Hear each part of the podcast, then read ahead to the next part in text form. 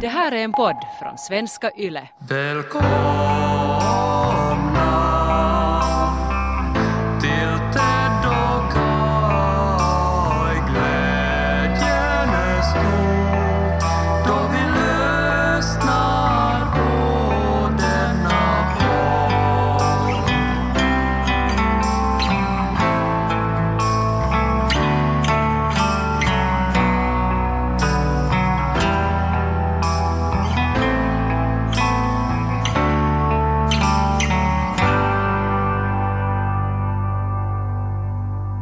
Hälsningar från karantänen. Jag är melankolisk och eh, på något sätt förvirrad. Ja, du har ju kommit tillbaka till Finland, men att vi poddar Ja. på, på distans fortfarande för att du är så oren och smutsig och en smittospridare från Sverige. Ja, jag vill ju poängtera att jag har suttit i tre veckor isolerad i Visby och eh, nu då behandlas då som att jag har varit liksom på Ibiza och liksom hånglat med hostande liksom spanjorer. Mm. Men det är ju så, alltså åker du ett flygplan så då blir, då, då, då blir du behandlad sådär. Nå, flygplanet var väldigt märkligt, alltså det var ju strikta regler. Man skulle själv putsa sitt säte med sprit. Och så hade ju alla mask, det var obligatoriskt. Och eh, det var så här avstånd att man inte satt liksom eh, bredvid varandra. Eh, Och överlag alltså rätt så lite människor som, som reste och så här. När vi, vi kom till flygplatsen så togs vi emot av något sorts så här hazmat team ungefär. Mm. Alltså i så här sk- skyddsdräkter och så slussades genom en labyrint och måste visa pass och måste, mitt ansikte blev skannat. Och sen så stod det en kvinna och skrek Ta inte buss eller tåg! Och så sa jag, ja, hur ska jag ta mig in till stan? Frågade jag försynt bakom min mask. Kan någon komma och hämta dig? sa hon. Sa, sa jag nej. Ja, vi kan inte tvinga dig att inte ta tåg. Och så nickade jag och så, och så tog jag tåget. Mm. Eh, Till mitt försvar så måste jag ju säga då att, eh, att det, det var väldigt lätt att hålla avstånd på tåget. Jag hade ju mask och om jag skulle ha suttit i en taxi eh, så skulle jag ju ha väl nog utsatt föraren för större risk då. Mm. Hur ska man tänka här riktigt? Ja, nej, det är, jätte, det, är, det är jättesvårt. För det är ju som hon skrek, den här kvinnan, att man kan ju inte tvinga någon att inte ta sig hem från flygplatsen. Nej, men det är också, alltså jag fick ju ett sånt här papper då med eh, THLs rekommendationer och eh, det som jag alltså befinner mig i nu då så är ju, ja, alltså, och det står om, på, det står om och om igen, en frivillig karantän Mm. på tio dagar. Och jag antar att det här har att göra någonting med lagen, att man kan inte som så här bara då utföra obligatorisk karantän, Nej. men att de vill på något vis locka fram det här liksom medborgaransvaret nu då. Att, jo, att vi vet att, att vi inte kan tvinga dig, men du vet att det här är det du ska göra nu. Mm. Och förstås gör jag ju det. Eh, Men eh, lite på något vis otydliga signaler om vad som riktigt gäller nu. Men i tio dagar ska jag sitta hemma och, och, och jobba och eh, så ska vi väl podda på avstånd som vi gör nu. Är det kul att vara hemma då? Eh, Det är jättefint att vara hemma. Nico hade gjort en adventskalender till mig. Och eh, så har han pyntat lägenheten så här med lampor och, och, och det här. Så hade han gjort mat. Han hade gjort karamelliserade morötter. Och sen hade han marinerat champinjoner. Och så var det potatisgratäng och, och en otroligt god biff. Och så hade han köpt mitt favoritrödvin och, och han var... Åh, jag har saknat Nico. Jag blir så hungrig just nu. Jag gjorde ju en sorts skräll på sociala medier här när jag eh, under eh, mina tre veckor i Visby i smyg hade lärt mig Nikos favorit filmmusik på piano. Eh, och, och så spelade jag det då eh, och la ut det på sociala Mm. medier. Och jag har ju överösts nu med, med alltså respons Mm. på det här då. Folk tycker att det var fint gjort av dig. Men det var det väl nog. Och, och, och, och det har Mm. folk tyckt. Men jag tänkte, är det så här liksom ovanligt att, eh, alltså att man överraskar sin, sin man eller sin hustru liksom på det här sättet? Alltså är vi inte liksom nu ändå i eran av, alltså jag tänker just med sociala medier, att man vet du, förbereder eh, filmade frierier och man liksom, vet du, vill som på något vis vara så här eh, romantisk och dela med det till andra. Men vadå? Alltså, Nej men det är väl, det är väl just det där som, är, som jag tyckte var intressant med det där, alltså att... Eh, jag vet inte, alltså eh, jag försöker sätta mig in i Nikos situation. Att om jag skulle ha varit då borta och så skulle Janika ha gjort en sån här sak åt mig.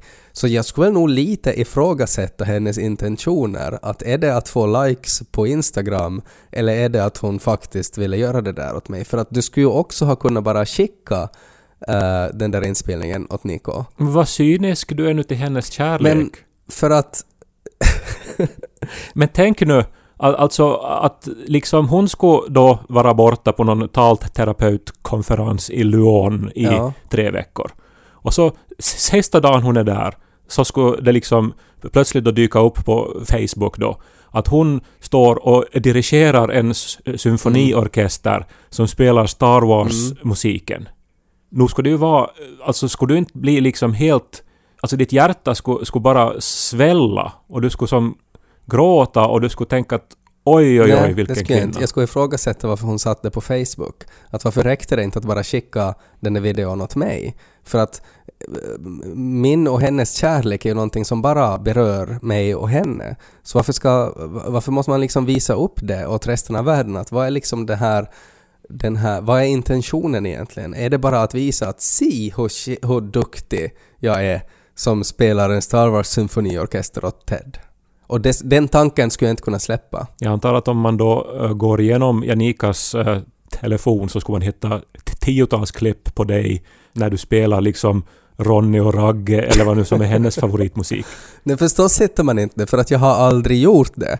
Men om jag skulle göra det så skulle jag inte ha satt det på Somme utan jag skulle ha skickat det åt henne. Nej men det där tror jag inte på. Alltså, va- varför, alltså inte det är ju som att som är, liksom ett sätt att kommunicera bland, bland många. Det är ju så man kommunicerar idag. Jag menar, jag skriver ju till Niko eh, alltså också meddelanden via Instagram, alltså eh, direktmeddelanden. Mm. Ja men det är ju en skillnad om man skriver alltså, direktmeddelanden eller om man skriver meddelanden som alla kan läsa. Men tycker du att det här faktiskt var liksom på Nej, något vis jag- suspekt av mig? Alltså din reaktion var att liksom lite så här överseende Nej jag tyckte inte alls det var cringe, jag det tyckte här. det var jätte, jättefint men att jag vet att skulle jag, skulle jag ha fått en, en sån här kärleksförklaring så skulle jag ha ifrågasatt det att varför sätter man ut det så alla andra ska, ska se det så att man också får likes och kommentarer på det. Att varför räcker det inte att bara få min uppmärksamhet och min like och min kärlek på det.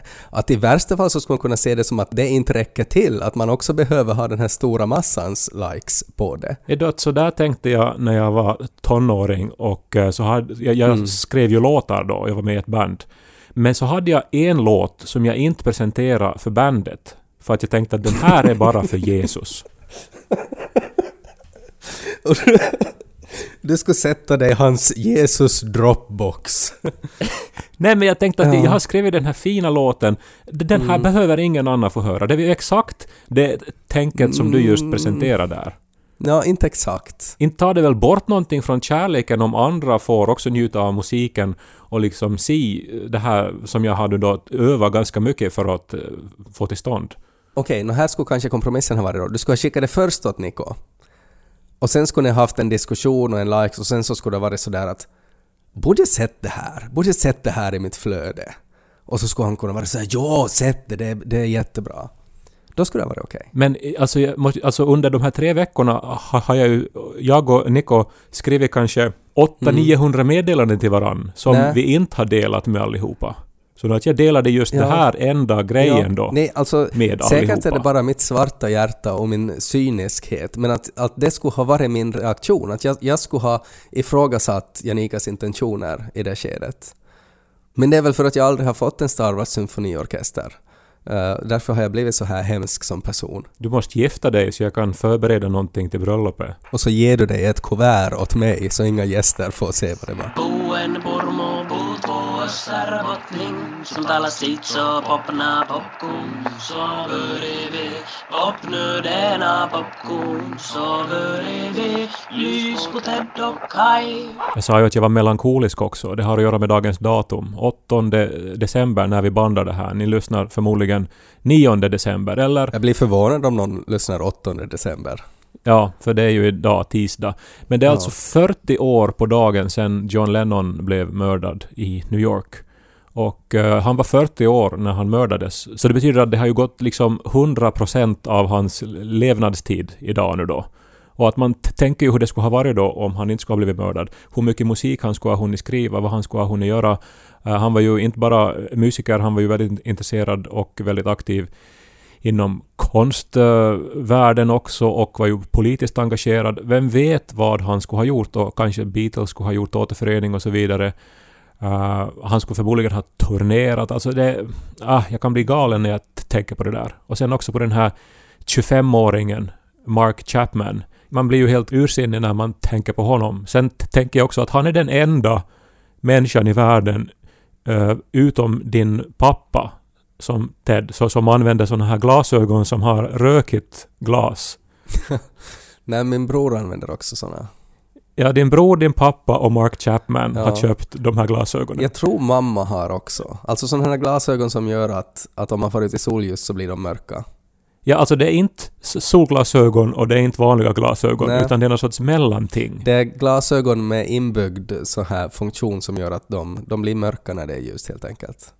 Jag antar ju att det är någon sån här 70-talsgrej. Jag, tror, jag tror det är mer en sån här ingenjörsgrej, att man tänker att, att det är klart att man vill ha en sån funktion till glasögonen. Att varför skulle man inte? Men det ger ett väldigt eh, speciellt utseende också, för att blicken blir så här lite mörk.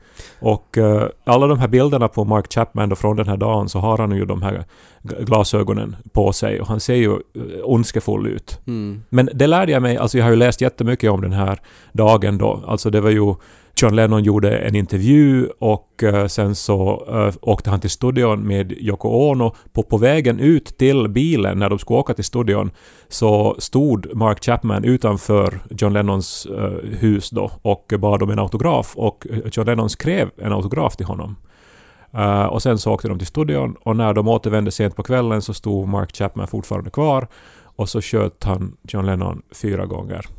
Sen så stod han där och läste uh, Räddaren i nöden, en roman av J.D. Salinger, när polisen kom och arresterade honom. Och han sitter fortfarande i fängelse och en gång i året så ansöker han om att bli frisläppt och eh, en gång i året så skriver Yoko Ono eh, en, ett brev att hon önskar att han inte ska bli frisläppt. Mm. Men det lärde jag mig om det här som jag inte har någonsin läst förr. Men jag läste det idag.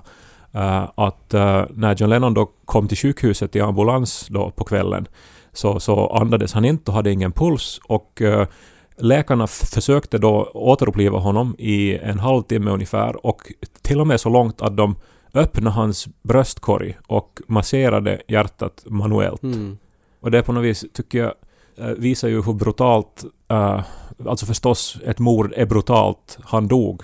Men liksom, det är någonting med det här liksom hur en människa då blir till kött och blod Mm. och att eh, om inte liksom blodet cirkulerar, om inte hjär- hjärtat slår så är inget av det här fantastiska mu- musikskapandet, den här det, inget av det liksom är möjligt och att man sen eh, försöker eh, desperat liksom få honom att överleva genom att öppna upp honom och liksom manuellt pumpa blodet genom hans kropp. Det, jag vet inte, det, det var någonting väldigt eh, starkt över det här.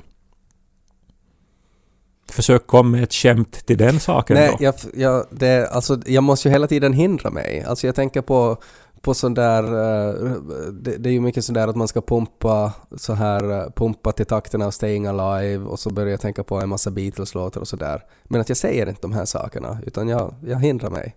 För att jag, Ja. det är inte, det, det finns ingen, det är inte roligt, det finns ingen poäng i att jag skulle säga det, men att de här impulserna kommer hela tiden. Sen är det, tycker jag, eh, väldigt överraskande och nästan poetiskt på, på något sätt att jag idag också stiger upp och läser den faktiskt för mig obegripliga nyheten att Bob Dylan har sålt rättigheterna till alla sina låtar till Universal Music. Varför är det obegripligt? Han vill väl ha pengar? Var det inte någon så här 300 miljoner dollar och någon så här rekord i girighet som slogs? Alltså han är 79 år, han är säkert mångmiljonär. Mm. Och liksom de här låtarna genererar ju säkert årligen för honom en, en stadig inkomst på flera miljoner, alltså i Mm. royalties och sånt. Mm. Och, och nu, när han är 79, så säljer han sitt livsverk för en Mm. löjligt stor summa förstås. Ändå inte egentligen så löjligt stor när man tänker på andra stora sådana här eh, affärer som görs. eh, Jag minns när WhatsApp såldes, eh, så jag tror det var 18 miljarder dollar som, Mm. som var köpesumman. Och, och, och någonstans så stod det att det är liksom Jamaicas BNP, så man skulle kunna vä- välja mellan att köpa Jamaica eller WhatsApp. Mm. Men jämfört med det så är ju då Bob Dylans låtskatt re- relativt förmånlig då. Mm. Men ändå, alltså jag förstår inte att han gör... Och han dessutom som, är, som, som är så, har sån konstnärlig integritet. Ja, men han är 79 år. Eh, Jag tolkar det här direkt som att det här är något girigt barnbarn som har fått honom att skriva under ett papper som han är liksom för gaggig för att förstå vad det handlar om. För att den här eh, barnbarnet behöver fyrk nu. Men säkert har barnbarnet fyrk nu, alltså tänk nu Bob fucking Dylan måste ju ha miljoner och åter miljoner och hans barn Jacob Dylan, vilket är också lite cyniskt för han är själv artist och han har eh, gjort eh, många intervjuer om det hur han ju vill stå på egna ben. Och ändå så, så kallar han sig för Jacob Dylan när han ju borde heta Jacob Zimmerman som ju Bob Dylan han heter ju egentligen Robert Zimmerman Mhm. Uh, men Tyllan är ju ett artistnamn. Men sen har sonen tagit... Han har tagit sin pappas artistnamn. Ja men det är någonting så jag, och, och sen då just att, att det här då hände då på John Lennons dödsdag. Uh, John Lennon såg ju väldigt mycket upp till, till Bob Dylan och tävlar ju med honom också på många sätt om att skriva uh, de mest revolutionära låtarna och så vidare. Och jag, det, det, det finns fog att anta att John Lennon uh, liksom önska att han skulle ha varit Bob Dylan, att han var avundsjuk på honom. Uh, men nu då så, så åtminstone som jag nu upplever det just nu, om inte då visar sig att det finns någon bakomliggande plan, så har ju Bob Dylan nu liksom sålt ut sin trovärdighet på något sätt. På ett helt onödigt sätt. Jag har så svårt att, att på något sätt så här artificiellt skapa ett intresse för Bob Dylan. Alltså sådär att jag skulle på något sätt... En av våra tiders största uh, artister och som fick Nobelpriset i litteratur för några år sedan. Ja, Liksom en kulturell ikon sedan fem, sex decennier. mm, men, men jag personligen har... eh, Jag har ingen kontaktyta till honom, jag har inget intresse för honom och eh, tycker väl inte att hans låtar är så där överdrivet bra heller om jag ska vara riktigt ärlig. Hur mycket har du lyssnat på honom då? Alltså det är ju det, alltså... Nej, inte, inte, det kan jag inte säga. Men att han Jag, bara... jag tror att ett problem med Tyllan är att hans output är så massiv. Han har ju skrivit alltså s- 600 låtar. Man, man vet inte alls hur man ska starta. Man vet de här mest kända, like Rolling Stone och Mr Tambourine Man, men att man är inte kanske jätteimponerad av dem. Mm. Men hans styrka är ju de här intensivt malande, nästan litterära alltså verken. Sådana här långa 11 minuters låtar som håller på för evigt och han Mm. sjunger om... Alltså han lägger ju ord på, på existensen och på liksom samhället och på allting. Mm. Men han sjunger ändå på något sätt om ett samhälle och en generation som inte jag var delaktig i. Så därför är jag inte heller liksom att det, det far inte rakt in i mitt hjärta. Utan att jag kan ju förstås först, liksom inse att jo, att han har varit en betydelsefull person men att mig personligen så, så, så är jag totalt ointresserad av Bob Dylan. Sa mannen som kan läsa 18 romaner om folk som kan prata med växter. Men vad skulle du säga ännu om John Lennon? Uh, lyssna på skivan Plastic Ono Band idag. Den gavs ut 1969 uh, eh, medan Beatles ännu fanns men innehåller många av John Lennons absolut bästa sololåtar. Bland annat Isolation som jag lyssnade på i morse och kände mig melankolisk. Hi.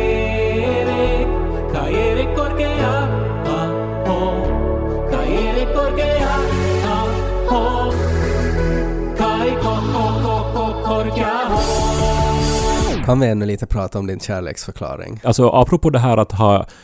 Nu sa jag redan att John Lennons hjärta var helt faktiskt bokstavligen öppet och Mm. blev ma- masserat. Men Mm. han gjorde ju en hel karriär av att vara naken med sina känslor och visa... Mm. Han, han skrev ju såna här Oh Yoko, såna här liksom... eh, alltså kärlekssånger som har fått kritik, ja, för att vara Mm. så här just vet du, lite för nakna nästan. Ja. För, för liksom blödiga. Men Ja. från hjärtat. Ja, men han är ju dessutom han är ju en artist som, eh, som uppträder med de här låtarna, så att då, är- då, då är man inte liksom förvånad att han sjunger ut sin kärlek på det sättet. Att där upplever jag också att det är en skillnad att, eh, att sätta pianosånger på så med. Ja, en instrumental. Jag sjöng ju inte liksom Nej. ”Oj Niko, oj du är så fin”. Nej, men det, det spelar ingen roll. Det skulle ha varit precis samma, samma sak om du skulle ha sjungit, sjungit eller inte. Men, men upplever du inte alltså... Är, är det liksom... Nej men, alltså du, du, vet du vad, sluta ren, för jag har ju rätt här. Alltså ja, vi kan ju säkert göra till exempel en omröstning i Ted och Kajs omklädningsrum. Alltså om människor anser att sånt där är liksom fint eller cringe. Men oberoende vad svaret är så har ju jag rätt. Att det är ju förstås är det, är det ju fint. Men hur tänkte du då när du gjorde det? Alltså tänkte du bara på Nico eller fanns det också en tanke om att ja, men att nu är det också roligt att, att få visa åt andra att jag har eh, gjort den här överraskningen åt Nico? Jag, jag förstår inte den där frågan. Alltså var, var, varifrån ko- ko- kommer behovet av att ställa den där frågan, den där cynismen? Alltså för att... Nej men för det, det är så, det, det, är, det är ju någonting alltså, det, det är så intressant för att det sätter på något sätt, alltså det är den här skillnaden mellan dig och mig konkretiseras så tydligt där. Eh, att, no, no, alltså både det där att, att ge kärleksförklaringar, att det, jag menar det är ju någonting som, som jag kanske inte är den bästa på, men att också det där att, att, att du inte ser, eller liksom att du inte förstår frågan alltså kring att, att, att sätta saker på som är. Alltså, jag tycker att det är bara intressant för jag tror ju nog jag att att det kanske fin- att om vi gör en omröstning så tror jag att det nog finns också folk som tänker som jag att, att en sån här kärleksförklaring så, så skulle man lika bra ha kunnat bara dela med sig åt personen man älskar och om man Märk väl nu att du är ju inte på SOME ens. Du, du, du är ju den minst sociala medier-aktiva människan i Finland. Mm. Jo, jo. Liksom, så du, du vet ju inte hur det funkar Nej. riktigt. Jag har ju ändå varit tio år på Instagram. Ja, jag, jag förstår det, men jag tror att även om jag skulle ha ett otroligt populärt Instagramkonto där jag går omkring i Visby eller sätter sexiga träningsbilder av mig själv, eh, så tror jag att till och med där så skulle jag inte sätta en sån där sak. Alltså för att, att då skulle det vara Alltså hela den här grejen att, va, att, att det inte räcker med att bara få den där uppskattningen av personen man gör det mot. Att varför, varför vill man också ha en uppskattning av alla andra? Varför vill man visa upp det? Nej men det är klart att det var hans reaktioner jag ville eh, ha. Mm. Varför satte du det då på som så alla ser det? Varför skulle jag inte ha gjort det? ja, men jag har ju andra saker som jag skickar privat till Niko. Mm. Men det här var ju som liksom musik. Det här var ju... Och dessutom, det, det tycker jag är nästan den, den märkligaste saken här. Jag spelar ju alltså eh, Studio Ghiblis filmmusik. Alltså Mm. borde inte du vara helt liksom tagen och överösa mig Jag med tyckte liksom... det, var, det var jättefin, det var jättefin musik och det var ju verkligen utanför din comfort zone att lära dig musik till, till någonting som är gjort för barn. Eh, Alltså Miyazakis alltså eh, animerade filmer Mm. Men som ju ändå är för barn, alltså för små, små, små barn. som Niko tycker om. Jag försöker sätta mig in i Kai Korkao-rollen här, att, att det, ja... Ja, nej, jag, jag, jag, jag var förvånad och imponerad och det är ju en jättebra sång, så att det, var- det var ju jättefint, men att det är ändå, det är någonting i det där... Det är någonting... Men så du menar att det liksom, att det tog bort från min intention att jag, var det på sociala det, medier? jag skulle tolka det så, alltså så, det som jag var inne på i början, att om Janika skulle ha gjort det där för mig så skulle jag ifrågasätta det att varför behöver hon ha de där likesen också? Varför räcker det inte att hon bara gav det åt mig?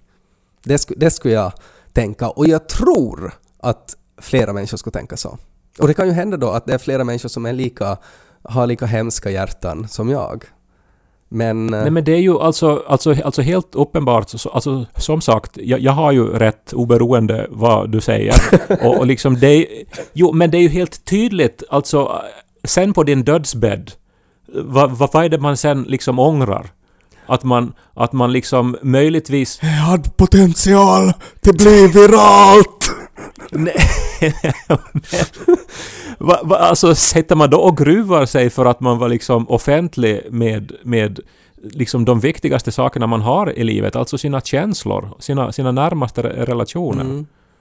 Det är väl en större diskussion det här också, liksom att vad man, vad man får ut av SOME och, och, och vad man liksom... Men hur är det då med människor som lägger ut bilder på sina barn?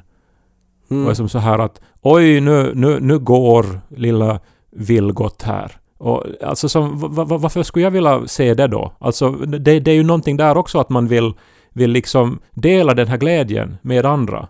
Men man kan ju se på det cyniskt också. Ja, ja, alltså det, det? ja det, det är någon skillnad där. Nu, jag, nu är jag inte tillräckligt smart för att inse direkt vad den där skillnaden är, men att där är någon skillnad för att barn har, tror jag, mera beröringspunkter med andra människor som har barn och att det kan vara Ja, mer... det här med liksom känslor och, och så här att man saknar någon. Nej men för det, det blir ju ändå, att det är ju klart att man saknar någon och att man älskar någon men att det är ju ändå, handlar det bara om de två människorna som har den kärleken. Så på, på ett sätt håller jag med om att barn lite tangerar det där men att det är ändå inte riktigt samma, samma kategori. Jag vet inte vad man, skulle, vad man skulle kalla det här heller men att jag tror att det är väl någonting i det där. Hur skulle du ha, Avundsjuka tror jag det kallas. det är det du söker efter, det ordet. hur skulle du ha reagerat då om, om Niko inte skulle ha tyckt att, du skulle ha fått en väldigt så här kall reaktion av honom att han skulle ha varit sådär att ja, den där filmen tyckte det liksom, det här, jag menar, jag känner ju Niko, han skulle inte reagera så, men om det skulle ha varit så att du skulle ha fått en reaktion av honom som du inte skulle ha varit liksom, uh, den skulle inte ha motsvarat dina förväntningar, men du skulle ha fått liksom helt otroligt mycket likes och kommentarer och uppmuntran av andra människor. Skulle du i då fall ha poängterat det? Niko, men det kom ju jättemycket likes här. Alltså väldigt hypotetiskt allt det här nu, men klart att det var Nikos reaktion som var det viktigaste. Det är ju som också när man skriver en roman, så sen om man får en massa eh, positiv respons från människor som inte egentligen betyder någonting för en, alltså människor som man inte känner, så, så är det ju inte liksom, det, det gör ju ingenting. Men att sen om, om en människa som man bryr sig om reagerar negativt på det, så då förstör det alltihopa. Mm. Det, det är ju klart att det var viktigast vad Niko tyckte och kände och han reagerade ju genast. Sen var det ju människor i Danmark som, som grät och, och som, eh, som skrev liksom att, eh, att eh, couple goals. Men det är det där och det, det är någonting i den där reaktionen också. Att du, jag menar, det är ju helt uppenbart att du gottar dig i den här uppmärksamheten du fick också när du fick visa hur fantastisk pojkvän du är och att, att du fick danskar att, att skriva couple goals. Och det Kan vi lyssna lite på det här som jag spelar nu här bara?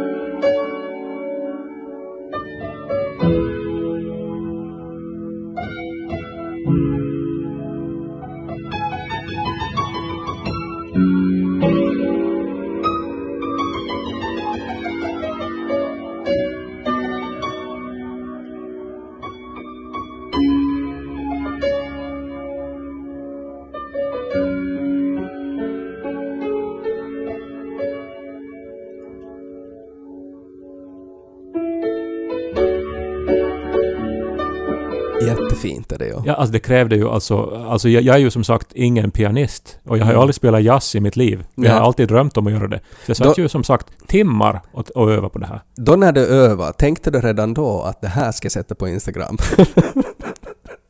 Eller var det sådär en, en eh, att då när det var färdigt och du var sådär att ja men kanske jag skulle kunna sätta det på Instagram. Min hypotes är ju nog att du hela tiden, du tänkte kanske mera på Instagram än på Niko i något skede. Herregud vad cyniskt och, och fel och falskt. Alltså de som följer mig på Instagram vet ju också att jag har en historia genom åren att ibland uploada klipp när jag spelar någonting på piano eller på gitarr. Mm. Och eh, det här var första gången som jag dedikerade till Niko. Och nu, och nu plötsligt då så är jag liksom någon sorts hora här nu då, som säljer ut mig då för, för likes. Jag säger inte att du är Bob Dylan.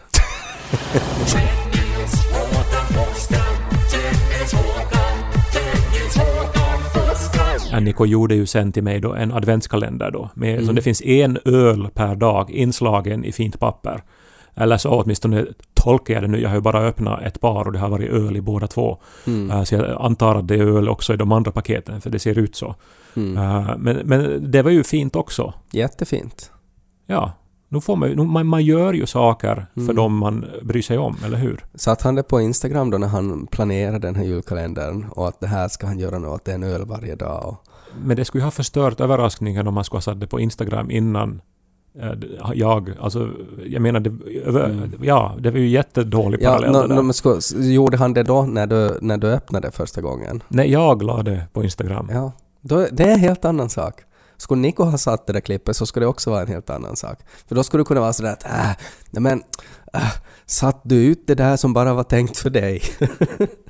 En annan rolig julkalender just nu eh, som jag följer eh, på Instagram är ju Pony Hans som har gjort sjuklokal lokal-tv. Mm. Och nu har han gjort det till en julkalender, så var- varje dag kommer det ett sjukt lokal, lokal-tv-klipp. Och eh, det, det, det, det, det är det roligaste jag vet, tror jag just Ja, nu. Al- ja. Alltså, jag, jag, jag- ser dem om och om igen och, och, och jag skrattar så det gör ont. Så att det kan jag rekommendera. Det är någonting med den här kombinationen med människor framför kameran som, som aldrig borde stå framför en kamera. Eh, och österbottnisk tafatthet uh, i kombination med jättebra klipp. Så jag håller med, den är jätterolig. Jag såg nu igen för kanske hundrade gången den här mannen som är ute och visslar på fåglar och så kommer de och äter ur, ur, ur hans hand. Men så har, har han klippt då de här visslingarna så de blir ondskefullare och ondskefullare och, och, och det är någonting med hela rytmen och hela hur storyn blir så här bara på något vis jättekuslig och, och liksom gör helt oväntad vändning där som är helt underbart. Så har ni en adventskalender för lite så tycker jag ni ska, ni ska gå följa det här.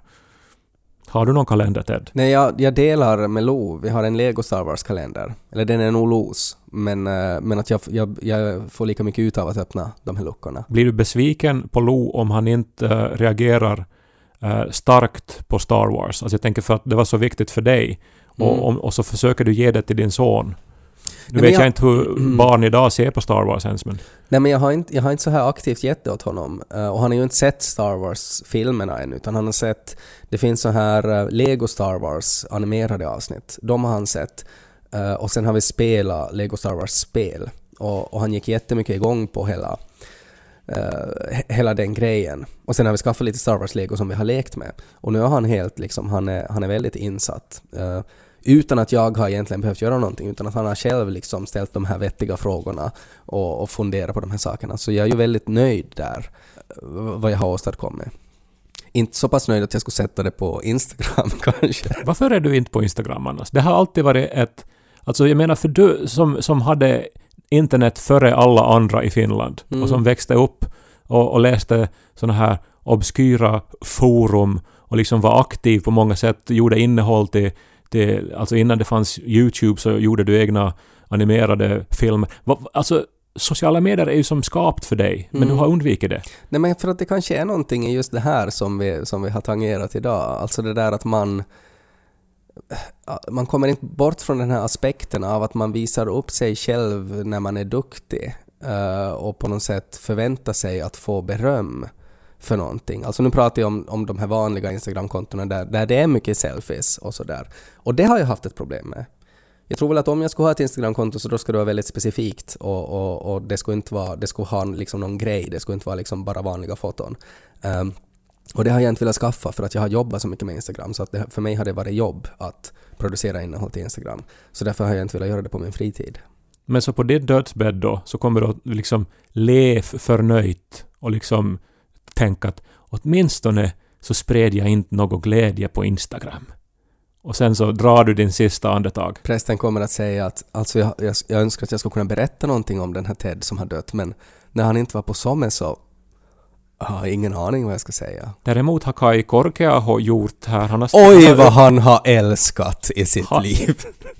tänkte säga, han har övat in Star Wars-musiken och, och nu ska han spela det till sin älskade vän. Så håller du i telefonen och filmar dig samtidigt som du gör det. Från min begravning. Det skulle du ju göra.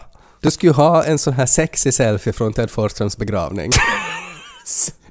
Åtta timmars länk, nu lite begravning på det. Och så sitter det en sån här slav i kyku i träningsdräkt. Och så ser man min kista i bakgrunden. Jag vet inte vad jag ska säga. Det är det sjukaste. Det sjukaste. Så cynisk bild av min Instagram. Skapa den där omröstningen i Ted och Kajs omklädningsrum.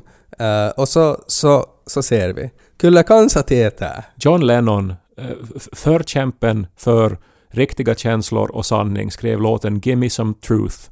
Och, och det är väl det vi behöver idag. Riktiga känslor, riktiga ställningstaganden, inte plast. Till saken hör ju att jag spelar ju fel på flera ställen i det här klippet också, men jag tog inte om det ändå. Vi ses nästa vecka.